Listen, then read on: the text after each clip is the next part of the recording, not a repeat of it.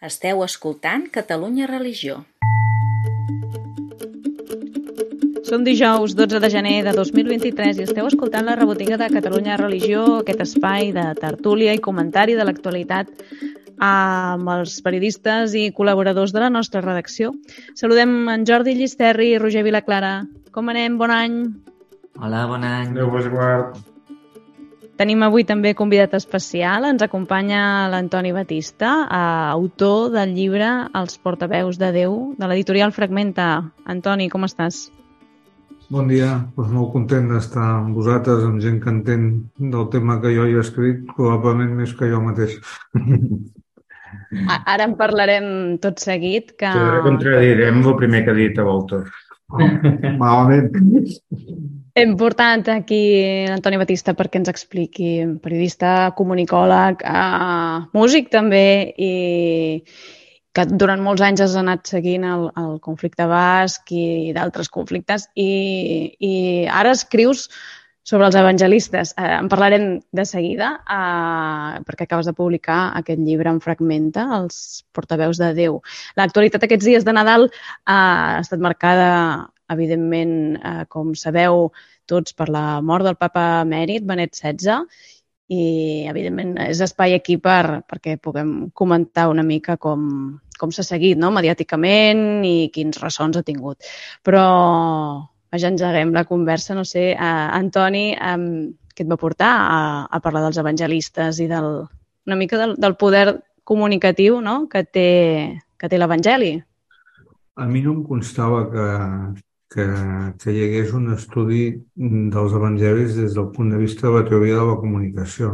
És possible que hi sigui perquè no som, no som novetat amb gairebé res, però les ciències de la comunicació és una disciplina relativament nova, 50 anys com, com a molt, ens remuntem a Roland Barthes, a Umberto Eco, que han estat contemporanis nostres fins, fins, fins fa quatre dies. Llavors, els evangelis, evidentment, han estat font d'estudis mm, teològics i, i de moltíssima categoria, però des del punt de vista de la comunicació a mi no em constava i, i a més jo conec dels evangelis és, el Nou Testament és el llibre que, que he llegit més, més, més vegades i em semblava un fet, eh, a banda del fet eh, religiós evident, un fet eh, importantíssim o interessantíssim des del punt de vista de la comunicació i a partir d'aquí fa molts anys, no és un llibre que hagi fet en un any, en aquest país fas un llibre per any i t'acusen de que fas un llibre per any.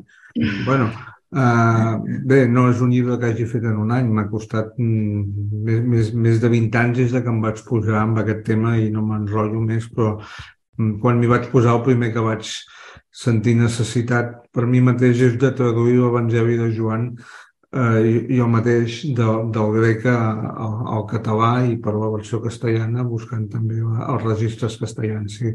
Un comunicòleg ha de començar per la sintàctica. La sintàctica comença per la llengua i jo veia que la llengua de les traduccions, al meu, al meu entendre, podia ser més acurada. Jo no dic que, que no sigui fidel o no fidel, però a vegades sí que ha sigut tributària, les traduccions dels evangelis han, han sigut tributaris del moment polític i de la dogmàtica del moment. Aleshores jo he fet una cosa absolutament escèptica, semiòtica. bueno, uh -huh. ja hi molt. Jordi, tu dimarts va ser a la presentació que se'n va fer una mica de no, estona, tertúlia, que convocava l'Observatori de Comunicació, Religió i Cultura a, a Blanquerna i Tot i que poder va... intercanviar opinions. Tot i que la presentació grossa, ara no tinc la data de davant, és el dia 25. Sí, serà el 25 de gener a la llibreria Ona de Barcelona. Exacte, que, que a més no només hi haurà l'autor i el Xavier Grasset i la, la Lluïsa... La, Maria, bueno, Maria Callés. Que és la que ha intervingut també en l'edició, sinó que a més mm. el Toni farà un concert de piano que ja serà una presentació... No, un petit, un petit eh, concert, perquè... I a més, en el, en el targetó hi ha l'agenda de Catalunya Religió que podeu veure a l'acte i, ha, i ha anunciat el programa, és un programa molt, molt interessant, però bueno, avui em sap greu, però no parlarem de música. Bueno. A veure, hi ha, hi, ha un, hi ha un petit problema que és que aquest llibre, com que està tenint certament repercussió i diversos mitjans està sortint parlant del llibre, les presentacions, suposo que estem en el problema en què deu explicar i deu ser a vegada 253. El mateix a tot arreu, no? Per tant, i com que una mica ja ho recollíem amb, la, amb, la, amb, la, amb el relat, amb la crònica que vam fer de l'acte que hi va haver a Blanquern el, dilluns, el dimarts, el dilluns, doncs ja, ja crec que no, no, no, no amb ganes de no fer-te repetir una mica el mateix. I, i faig un salt ja, i vaig veure més directament al comentari. És a dir, jo crec que és un llibre molt sorprenent, eh, sorprenent per la forma i la, i la idea de fons aquesta doncs, de, de traslladar una sèrie d'eines de treball que tenim els periodistes, traslladar-les a la, a l'hora d'enfrontar-se, de, de, de, en el bon sentit de la paraula, amb els evangelis, o de confrontar-se amb els evangelis, i això és molt atrevit. Hi ha les dues primeres parts, que fins i tot diria que en algun punt són molt denses i dures, i gairebé diria que el llibre té tres parts, és a dir, tot el tema del tres i la Trinitat i tot això, que suposo que també, que també jugues, i jo crec que fins i tot la primera i la segona part són una part iniciàtica per arribar a la tercera, que és la, jo crec que és el gruix, el gruix del llibre. I vaig a la tercera per plantejar, hi ha, un, hi ha una pregunta, que és, no, no, no desvetllarem al final del llibre, seria, seria molt lleig, en algunes altres intervencions una mica ho has, ho has, ho has comentat, però una mica la impressió és que et poses en terrenys molt pantanosos. Bueno, quan et poses en la teologia, jo crec que és un terreny eh, que pot ser pantanós per, per definició. Eh, jo, això, jo dic a vegades, no sempre, que la teologia permet una especulació infinita. No pot ser infinita, no, però que la, la, la teologia especula molt. Diguem que no té límit l'especulació mm. teològica. Llavors, esclar, jo em poso en un tema eh, que és molt delicat perquè, perquè no, no tant pel fet històric o pel, o per Jesús com, com perquè pot interferir en creences íntimes de, de les persones. Aleshores, per salvar eh, els, els pantans, jo que eh, la, la mesura de salvament, diguem, ha sigut eh, fer-ho el més respectuós, o sigui, acostar-me a un tema el més respectuosament eh, possible.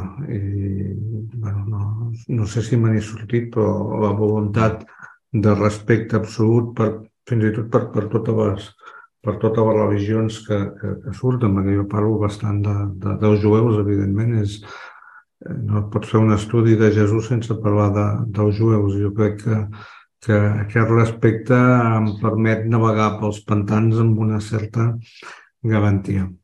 I després hi ha el tema de la ciència, que jo crec que la ciència és, és, és, és escèptica i antisèptica, i llavors jo abordo un tema jo circundo el tema, no, no, no ho explico des de dins, no sóc un teòleg ni el meu llibre és un llibre teològic, és una aportació que circunda la, la teologia i pot fer una aportació des de fora, no, no, no pretenc, és un llibre, ho dic a les primeres pàgines, jo he de ser necessàriament intel·lectualment modest perquè el tema és, és, és el tema em supera.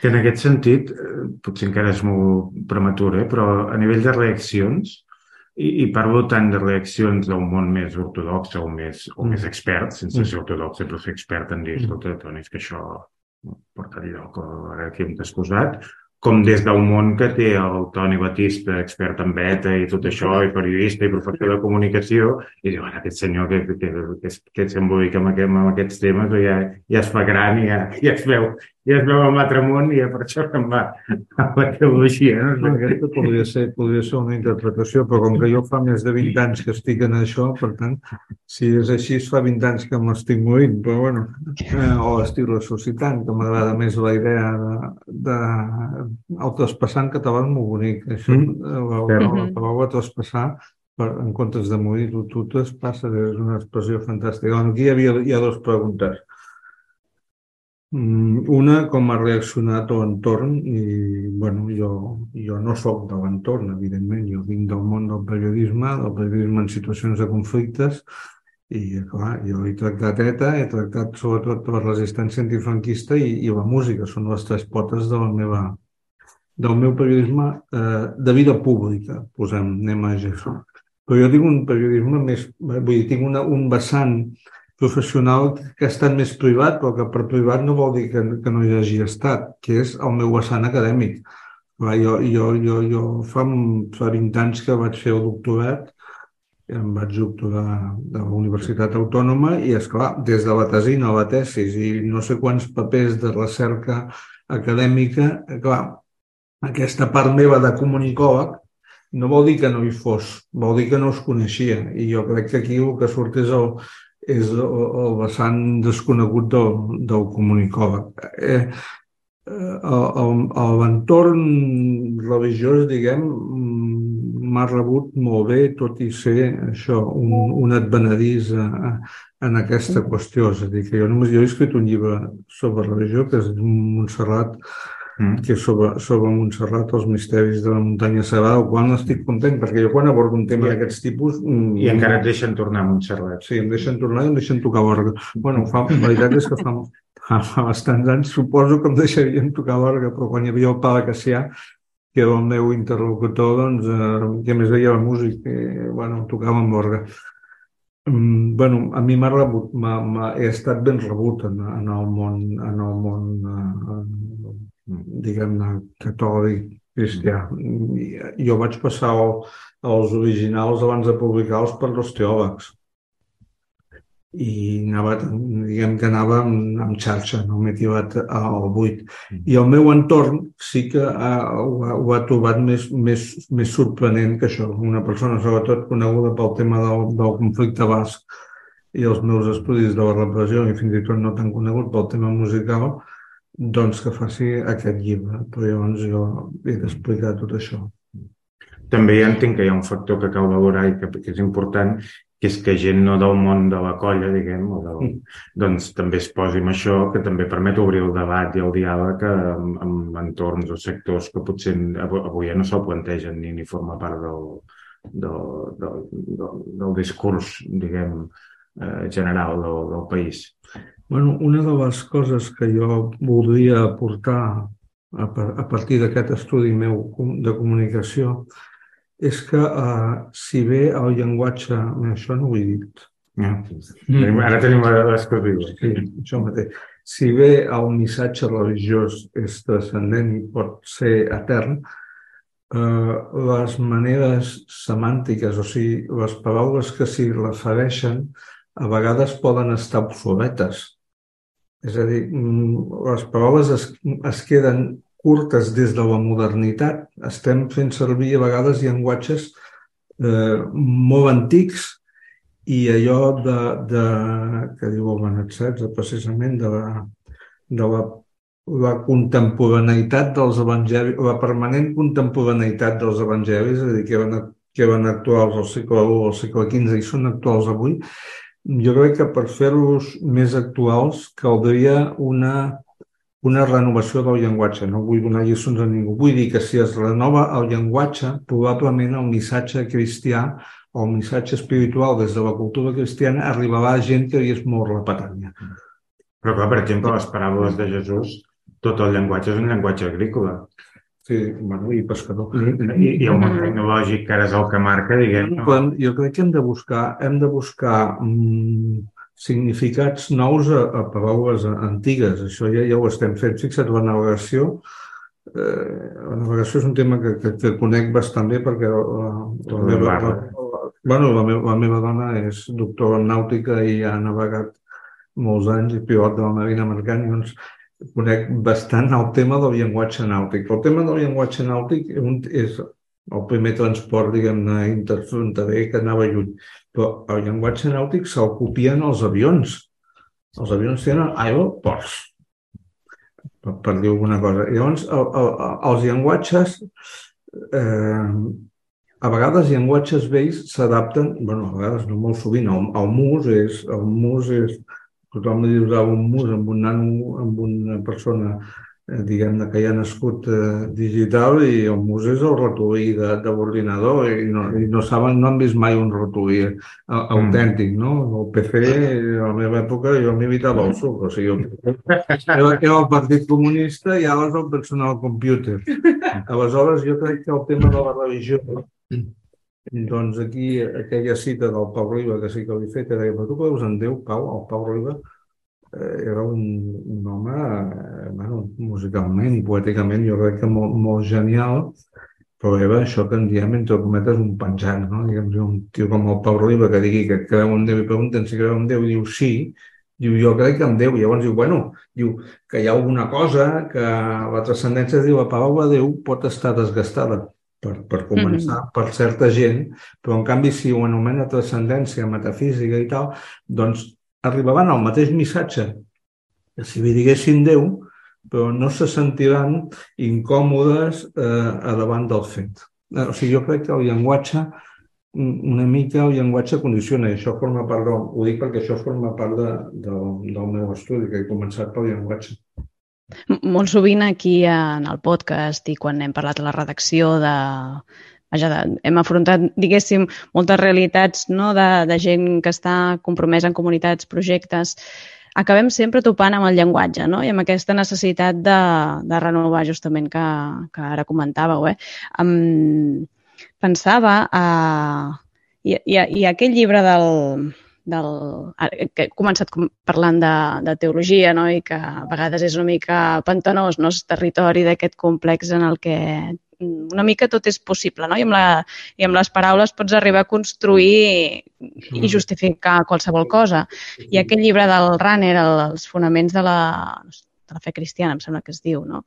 Que en alguna ocasió diu, amb la teologia, amb la teologia ho hem aconseguit eh, sostenir tot, no? I de vegades amb les paraules traïm el missatge que hi ha de fons, no? Efectivament. I eh, bueno, no sé si, sí. Jordi, quan, quan deies a l'inici no? que, que et semblava que hi havia un, algunes no? de les descripcions d'aquesta tercera part del llibre que no he tingut encara ocasió de llegir, però que llegiré de seguida, uh, d'aquest terreny pantanós o, o o si és possible, potser la pregunta seria més aviat si des del periodisme, no?, que anem a buscar allò concret, no? que anem a buscar les fonts, que, eh, que, que en queda de, del, del missatge no? que transmet Jesús, en què, en què és concret, què has, què has trobat o descobert fent, fent aquest llibre, no?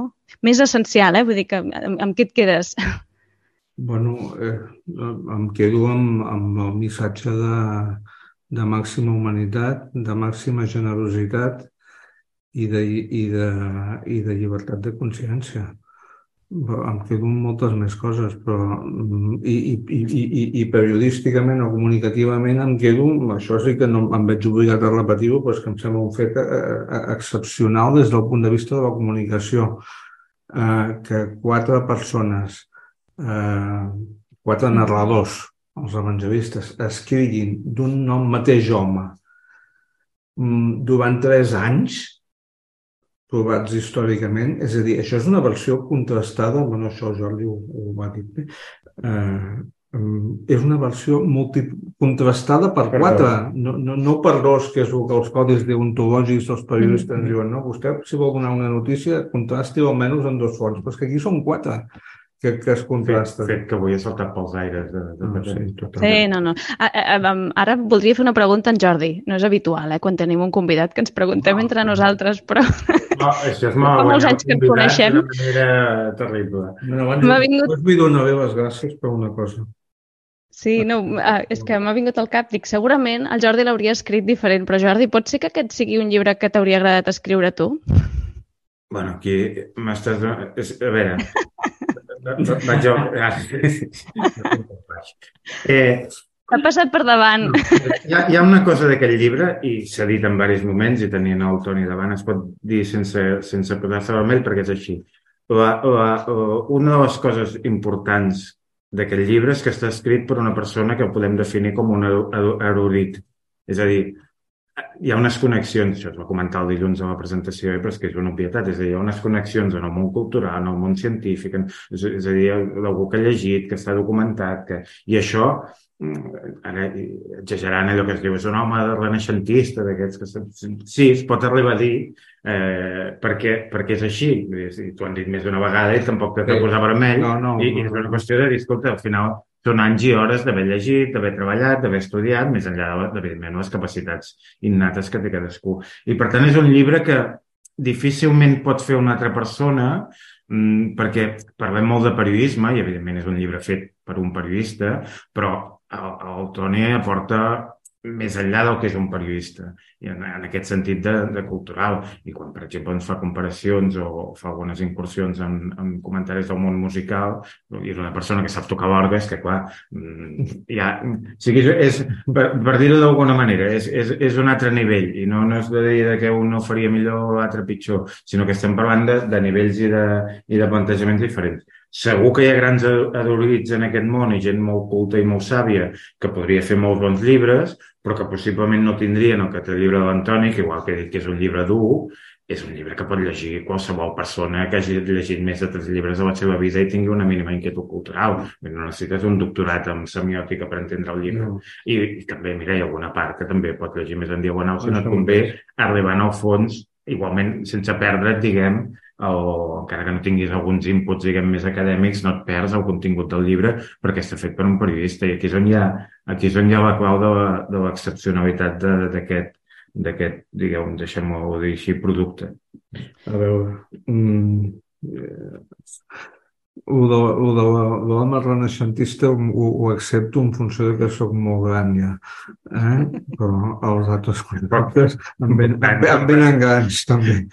Eh, a, a, a, a veure, en, en, en aquest llibre que eh, es diu Els portaveus de Déu, ho dic per allò, sí, per tecnologia radiofònica, per anar dient, per si algú diu, bueno, en quin llibre parlen? Es diu Els portaveus de Déu. Els portaveus de Déu. Realment.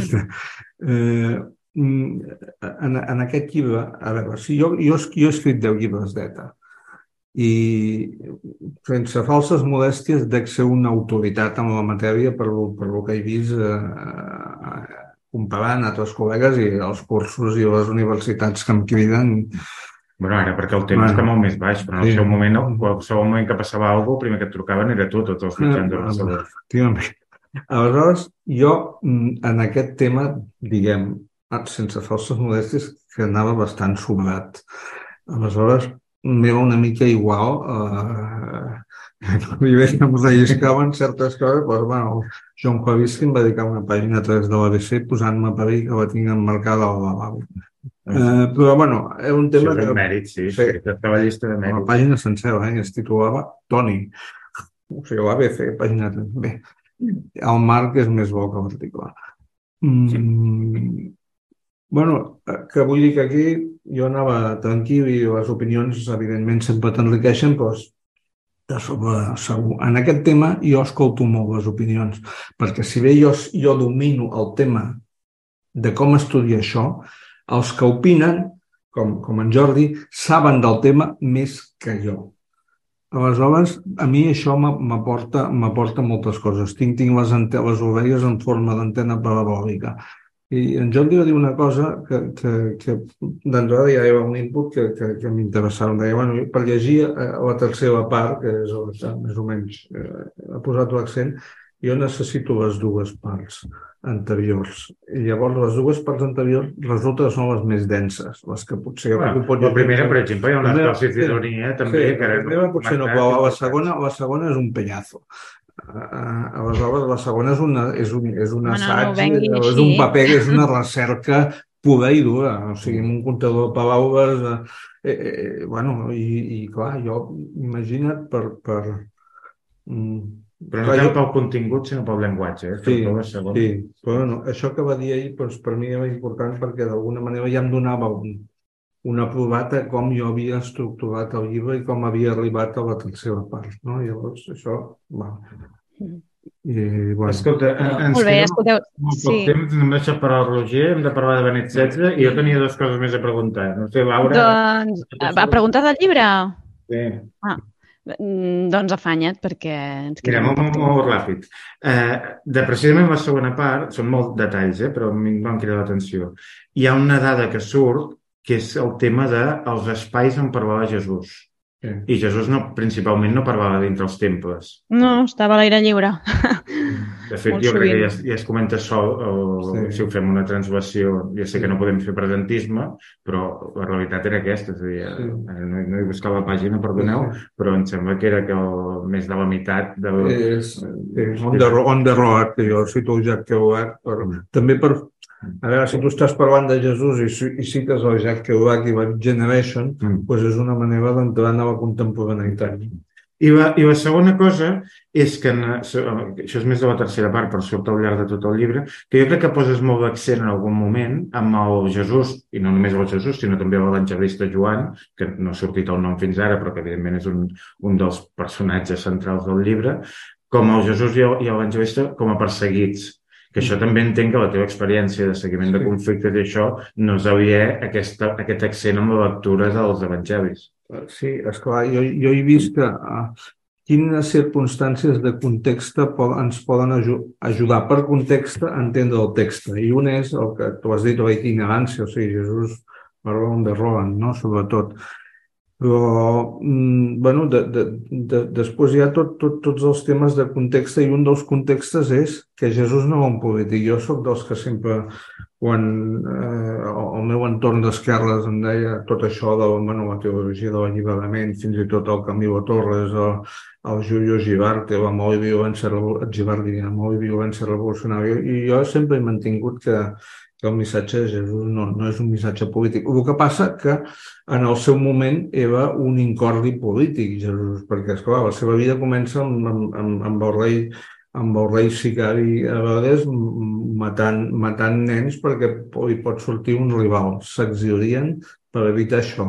Estan, després se'n van a Galilea fora de... En fi, té, té, té una, vida, mm, una vida de persecució que jo he conegut pel conflicte basc, però que jo vaig conèixer també en primera persona, perquè jo, clar, jo vaig, jo vaig militar la clandestinitat antifranquista. Llavors, coses de, de, de la vida de Jesús, de com es comportava anant amunt i avall i en quines condicions anava, me les puc explicar a través de les clandestinitats que jo he conegut. És a dir, Jesús és un personatge eh, clandestí, tan clandestí que no sabien quina cara feia i que per això necessiten el petó de Judes quan el van a detenir perquè diu que jo li faci el petó és el que heu d'agafar, perquè no sabien quina cara feia. És a dir, eh, el Sant Sopar és un sopar amb consignes. Mireu una persona mm. que porta una somera amb una gerra, seguiu, mm. aneu al puesto escolar. Jo he anat a, a cites clandestines me, me, me, més o menys amb, amb, amb sants i senyes, contrasenyes, segueixin aquest que no saps qui és, i vas amb una casa que resulta que és o no és el, Sena, el Senaco, jo dic que és una societat gastronòmica basca, i, i en fi, que, que, que és la clandestinitat, eh, tornant a la pregunta de, en Jordi, la clandestinitat és un fet que també condiciona les maneres de, i les paràboles són, són, a vegades són, són llenguatge que explica, tothom ha dit sempre, els llenguatges serveixen per explicar. Jo no m'ho crec tant que serveixin per, per explicar a la gent que no podia entendre massa, perquè la gent que, que seguia Jesús coneixia el judaïsme. Bueno, també és una forma de dir les coses d'una manera poètica, mm-hmm. pensant que ell volia era molt conscient de que Jesús, el seu missatge s'havia sobretot escrit més que el que deia, però també una manera de burlar eh, les persecucions dels jueus, dels jueus i, i, i dels romans que, que tenia el món. Molt bé, doncs eh, tota una colla d'ingredients que podem trobar sí, en aquest llibre Els portaveus de Déu, d'Antoni Batista. Gràcies avui per, per estar aquí amb nosaltres i poder-ho poder-ho compartir. Uh, de totes maneres, aprofitem que hi ets i, i et preguntem també uh, per la mort del papa Benet XVI, que ha estat el, un dels grans esdeveniments de tancament d'any i també del mes de gener, uh, tota la repercussió que ha tingut i com, no, com es, uh, s'assenyalen o se subratllen alguns elements de la seva figura, quins us han sorprès, um, com ho heu viscut també a nivell uh, comunicatiu, no? com a comunicòleg, eh, quina valoració en feu? Bueno, jo com a, com a autor del llibre puc dir que, no, com a autor del llibre Els portaveus de Déu, eh, puc dir que el, el, el, llibre, el llibre de, del papa Benet sobre, sobre Jesús m'ha servit, perquè he fet servir molt. Jo crec que un, el gran llibre sobre la vida de Jesús és el de l'Armand Puig. L'Armand Puig, sí. Molt, molt útil. Per mi és el millor llibre... Que l'altre dia vaig descobrir que ja no es troba a les llibreries. Ah, no? No, no, és d'anar al llibreter de Vella. Uf, jo vaig de, en tinc un aquí d'exemplar de, la, de la parròquia que algun dia he de tornar, però encara em resisteixo. L'han reeditar, perquè jo, jo crec que és de les millors mm, biografies de Jesús, de les millors mm, del món.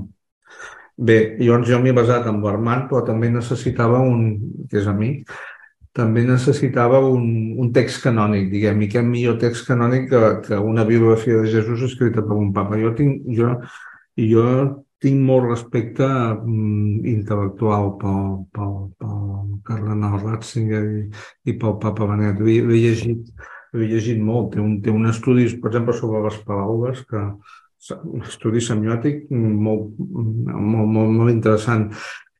I finalment era un papa músic un papa que tocava el piano, o sigui, la gent té interès, pot buscar el papa, papa Benet piano i surten filmacions a YouTube on toca Bach i Mozart, o sigui, un home que llegia partitures i eh, la veritat, eh, si, vols, si vols arribar a la metafísica, la via més ràpida a la metafísica és la música. També és un tema recurrent, eh? Aquí a la rebotiga surt sovint que és una via d'expressió de, de tot això que, que se'ns escapa sovint, no? I que el llenguatge en paraules costa tant de, de, de, de definir. Eh, la música es transmet per l'aigua, no té un missatge, no té un missatge concret. Que jo quan... Tancat, no? És obert a boca. És obert i a cadascú, perquè a més a més, i a més és, és, és màgic, perquè és l'únic art que necessita un reproductor tu un Velázquez no vas allà i pintes un Velázquez. Si vols, el Baca em necessita a mi, o, o necessita la Maria Joao Pibes, o, o, en fi, necessita algú que el toqui i el faci viu també en aquesta contemporaneïtat permanent similar a la de la religió. Jo tocant l'orga, jo he tocat l'orga, vinc això, 25 anys, eh, a la parròquia de Torredembarra, que té un orgue barroc, de l'any 1705, no alguna joia eh, organística del patrimoni de, de Catalunya i jo tocant, tocant aquell orgue eh, bueno, és quan he sentit els moments, digue-li, més iniciàtics de, de, de la meva vida. Ara m'agradaria escoltar també en Roger, eh, que no, sí, no l'hem sentit encara. Roger, tu com ho has viscut tot això del papa? Aquells senyors grans i anem parlant i coses. No, és que bueno, ho he estat escoltant, però m'ha semblat molt interessant. Eh, el, el tema del papa l'hem anat seguint no, aquestes últimes setmanes i la veritat és que ho comentàvem a la redacció que la, per mi també ha estat no especial però sí que al final jo no recordava l'enterrament d'un papa recentment perquè també sóc més jove i no el recordava i per mi també ho he viscut una mica com a veure com era el funeral d'un papa però també com amb, amb aquesta diferenciació no, de que era un papa que ja no estava reinant i que, i que, i que qui s'ha acomiadat del papa ha estat un altre papa, el papa Francesc en aquest cas, mm.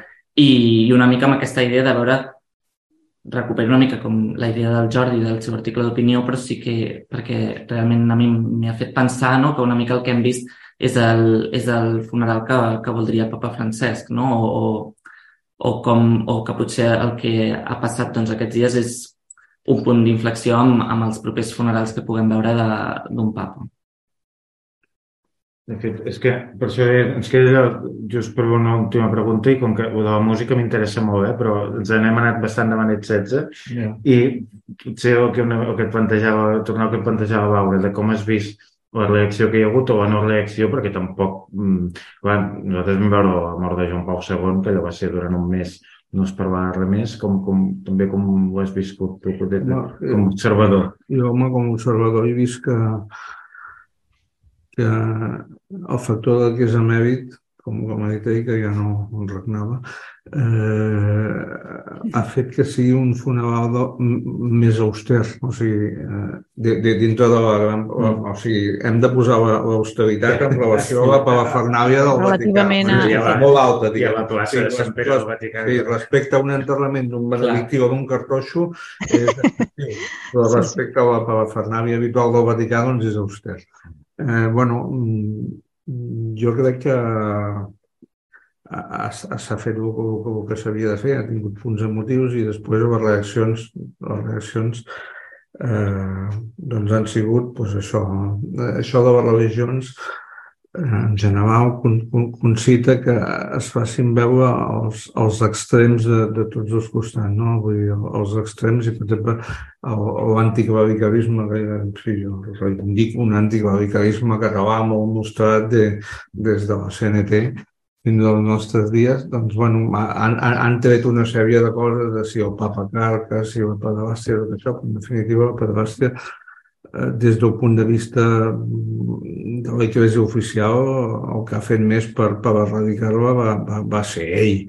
Aleshores, que l'acusin d'aquestes coses o, o de les joventuts hitlerianes de quan era jove, bueno, aquí, sí. si, si anem a mirar aquí, aquí qui era de Falange i després va militar el Partit Comunista, jo te'n puc dir uns quants. Vull dir, esclar, vull dir, el Manuel Vázquez Montalbán escrivia un diari del movimiento, el Manuel Sacristán, l'intel·lectual eh, marxista més important de la història d'Espanya, doncs venia de Falange.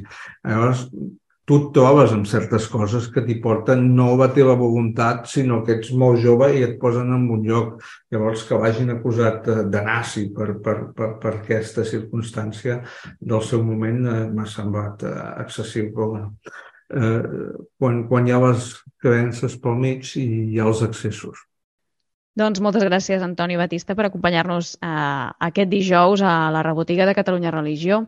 Um, esperem poder-nos tornar aviat, a veure aviat. Ha estat un plaer estar amb vosaltres, que, com he dit, més o menys abans coneixeu bé el tema i és un plaer aprendre també. Fins aviat. La resta no marxeu, que tenim més coses per revisar. Podríem fer una ullada, Roger, sí, als articles més llegits de la setmana. Doncs sí, aquesta setmana l'article més llegit ha estat eh, l'article en què parlàvem de la mort de Lluís Magrinyà, exdirector del Servei Jesuït dels Refugiats i de la Cova de Manresa. En segon lloc hi tenim l'entrevista a Montserrat d'Amazon, en què parlàvem de la fe, religió i les, i les xarxes socials. En tercer lloc hi tenim la mort del monjo de Poblet Francesc Martínez Sòria. En quart lloc hi tenim un article en què explicàvem que és la Setmana dels Barbuts i per què li diem així. I en cinquè lloc hi tenim l'article crònica que parlàvem de, del funeral del papa Benet XVI. Sí, des d'aquí a donar el nostre condol no? a la comunitat dels jesuïtes. Eh, Pare Magrinyà havia estat provincial a Catalunya durant molts anys, eh, també responsable del JRS a nivell internacional, fundador d'Intermón Oxfam, amb i els últims anys també havia estat no, aportant la, la, la part internacional de la, de la Cova de Manresa, la, la va promoure ell també, no? Mm. la cova de Sant Ignasi. Mm. No, de fet, ha sigut un, uns dies de Nadal bastant complicats i durs en aquest mm -hmm. sentit, perquè vam començar també amb una mort potser que era més... Mm, hi, hi, hi havia un procés més, més natural, diguem, de, de l'Oriol Tonyí, que també jesuïta i exdegà de la Facultat de Teologia, gran expert en l'Evangeli de Joan, que lligaria molt amb el, que, amb el tema que acabem de parlar, i el, el mossèn Fabron de presons, bueno, o sigui, ha sigut un, uns 15 dies de, de Nadal on la veritat no, cada dia tenies un disgust en aquest sentit i, i evidentment, amb una altra dimensió més, més espiritual o més personal, el tema doncs, de, de la mort del Benet XVI. Però jo voldria parlar més dels vius i com que, eh, com hem dit, ens queda poc temps, eh, que el Roger ens expliqués l'entrevista a la Montserrat d'Amazon. Doncs sí, la veritat és que l'entrevista la vam fer ara farà unes setmanes i, i la veritat és que va ser una conversa molt distesa amb, amb la Montserrat, era, era una conversa que a mi ja des del principi em semblava molt interessant pel fet de que al, al final tenim la mateixa edat i, i podem compartir mm, moltes coses. I... No, no com la gent que habitualment passa per Catalunya Revisió. Exacte. Que és veïna de la Garriga i va a missa a Llerona. Exacte. I, I per això em semblava molt interessant i realment de la conversa i jo trobo que hi ha moltes, moltes coses de les que deia que, que, que, que donen per, per molta reflexió, per pensar, o que a mi, almenys també parlant amb l'Anna, que, que és l'altra persona que també ha editat l'entrevista i la vam fer conjuntament, que ens ha donat molt, molt de, de temes de parlar, de debat, de, de pensar mm, en el que deia, no? I, i penso molt, que és molt interessant, però també és cert que el que...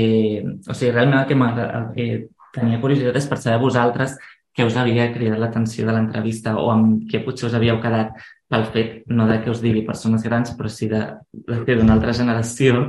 Tinc curiositat per saber que us ha cridat més l'atenció. Uh, és, una, és una conversa curiosa, és a dir, no em sorprèn perquè fa uns quants anys que la segueixo a xarxes socials, ja a Twitter concretament, I, bé, de fet, no sé si està a altres llocs. Roger, té perfils a Instagram i així? No. Sí, però el té, tan, el té privat, és a dir, no, no fa... Val, d'acord, d'acord. No fa difusió. Bueno, ella és més coneguda pel, pel Twitter. Sí. I, I té un punt de, eh, de provocadora, no? I de... mm, Entenc que ha creat com un personatge. El que m'ha sorprès és que digui que no vol encasellar-se amb el personatge, però, clar, és inevitable. És a dir, quan tu parles d'una certa manera i amb uns registres i... bueno, res, és una curiositat, eh? No, no, ni, no, no, no, no pretén ni ser una crítica ni res, eh? una, una cosa que em va venir al cap. Però bé, interessant. Um, jo crec que convenen veus que normalitzin el fet religiós, això ho hem defensat moltes vegades. Per tant, doncs, algú que digui que va a missa i, i que és una persona que té altres aficions i no és un bitxo raro, doncs també està bé. Uh, no? Una persona que parla de TZ, no ha escrit alguna vegada, no? el Núvol havia fet un article sobre la seva experiència en aquest àmbit, um, no? el fet de tenir un grup de confirmació en el seu moment, o... I, i, i té un llenguatge directe que és, que és curiós. Jo crec que això és el que la fa també no? especial o que fa que la gent potser se l'escolti. Um, no sé, hi ha moltes coses eh, que diu. No sé, Jordi, ara tu si tens alguna cosa al cap. Mm, No, del concret, o sigui, jo insistiria en la reflexió aquesta de, de la potència comunicativa que té. És dir, Evidentment, has de tenir una cultura i haver llegit per poder dir coses interessants, però també hi ha un do innat que ella ho té indubtablement i que hi ha gent que sap, mm, li surt del natural. és ràpida, eh, sí, sí, a més a Això. més. A, a mi l'única cosa, i que és molt bo que hi hagi aquest tipus de personatges, sobretot aquesta frontera entre el món més eclesiàstic i el món civil, o sigui, això ja, ja estic d'acord. A mi el que sí que de vegades em preocupa, sobretot en l'època que estem ara de la immediatesa, les xarxes socials, i sobretot estem parlant d'una persona que s'ha conegut sobretot a través de les xarxes socials i del món digital, és que es cremen molt ràpid. Mm. Quan hi ha una monja que un dia surt i fa una cosa tal durant un any, dos, tres, tot, tot, cada vegada que s'ha parlat d'alguna cosa es va parar en aquella monja després la monja desapareix ja no, ningú en parla mai més o es crema o comença a tenir la gent o es polaritza tant el personatge que acaba desdibuixat no? i parlo d'una monja com d'un capellà determinat o, i, i parlo de, de casos que hem tingut aquí però això passa en altres llocs del món llavors com que tenim el problema que de vegades avui doncs, el, el personatge, diguem, la persona catòlica és el, el contracultural i l'extemporani que, que, que, encara que ell no vulgui l'acabin convertint en una caricatura. I a mi en el cas de la Montserrat, que veig un... Bueno, jo no vaig fer l'entrevista, va venir aquí i ens vam saludar un moment, però no, no hem tingut Mhm. mai una, una conversa que, que pugui dir que la conec, però veig que la Montserrat és un personatge amb prou gruix, prou potent, i coses discutibles i altres que no, però que, que, que valdria la pena que, que, la, que diguem que no se'ns... que, no, que el tema mediàtic no ennuvolés la, la potència del personatge. Molt bé. Ah, convidem, per tant, a llegir l'entrevista. Um, la teniu a la web. Uh, podeu clicar allà els més llegits, us apareixerà de seguida, Montserrat de Messon. Um, I a més amb aquest titular de que creia, diu, crec que faig més servei parlant de Jesús que de l'Església. Ah, sí que és veritat que dins de l'entrevista parla més de l'Església que de Jesús, però perquè entenc que la, les preguntes van anar cap aquí, eh? no? però s'entén la idea de... bueno, en fi, uh, sí. I hi ha també aquesta reivindicació doncs, que l'Església no la fa només la institució, sinó totes les, no? tots el, el gruix, la comunitat de creients, i per tant que reivindica una mica la, també indirectament el paper de, del laicat, no? de la necessitat d'empoderar-se i de sortir a l'esfera pública i, i donar també la seva opinió. Mm. No, hi ha una cosa que fem quan acabem d'editar un text per penjar ja la, el definitiu a la web, que és que allò vas repassant i vas traient, marcant frases que poden ser titulars o destacats, i pràcticament a cada pregunta te'n sortia un. Sí. Sí, sí. És que, de fet, ho parlàvem també a la redacció un dia eh, amb el que també deies tu ara, Jordi, de, de la força comunicativa, que ella és veritat que l'entrevista, qualsevol cosa que ens deia, semblava quasi que em podies fer un tuit, o sigui, era com parlar tuitant i, i realment era així perquè hi havia moltes, o sigui, hi ha moltes frases que podrien ser titulars o que, o que, o que ens servirien per fer un tuit mm, a les nostres xarxes per, per promocionar aquest article. Però també és veritat que pel que em veu explicar i pel poc que vaig veure, malgrat, diguem, ser una persona famosa o coneguda, no és d'aquells personatges estirats. No, no, no, no, no eres, no, no eres, o sigui, no eres tirada. Vull dir, no perquè, perquè a veure, tampoc no és mega coneguda, però, però sí que és cert que tot i així té una part ambiciosa, perquè, bueno, de fet, a l'entrevista li Sí, es queda curta, sí. Hi poseu. Eh, ella ho diu, que ella el seu com... Tenia un pla, no?, quan va obrir el perfil a xarxes. Sí, Sorprenent. que tenia tot pre- previst, que no sé si això també forma part com de- d'aquest personatge que diu que no es vol convertir, però que en veritat, o sigui, al final... de Sí, les- sí, sí. Jo crec que una mica sí que ho deu ser, això. Sí, una mica d'ambivalitat, però bueno, sí. Bueno, això fa que en parlem. Exacte. Molt bé, molt bé, molt bé. Ho ha aconseguit. Felicitats, Montserrat. Des d'aquí, no, i felicitats també als editors de l'entrevista que diu que va estar dues hores xerrant. Dues hores no, realment, va ser una hora i mitja, però... Bueno, Déu-n'hi-do, déu nhi déu Hi ha hagut feina, també hi ha hagut molta feina de retallar perquè, i realment segueix sent molt llarga, això és un- una certesa, però... però Es llegeix bé, es llegeix bé. Molt bé, escolteu, doncs, eh, si us sembla, deixem aquí la rebotiga d'aquesta setmana. Eh, gràcies per seguir-nos, escoltar-nos, per llegir-nos al web i a les xarxes i a tot arreu. I ens tornem a veure la setmana vinent, a escoltar. Eh, gràcies, Jordi Llisterri, Roger Vilaclara i s'acomiada també una servidora, Laura Mol. Fins aviat. A veure...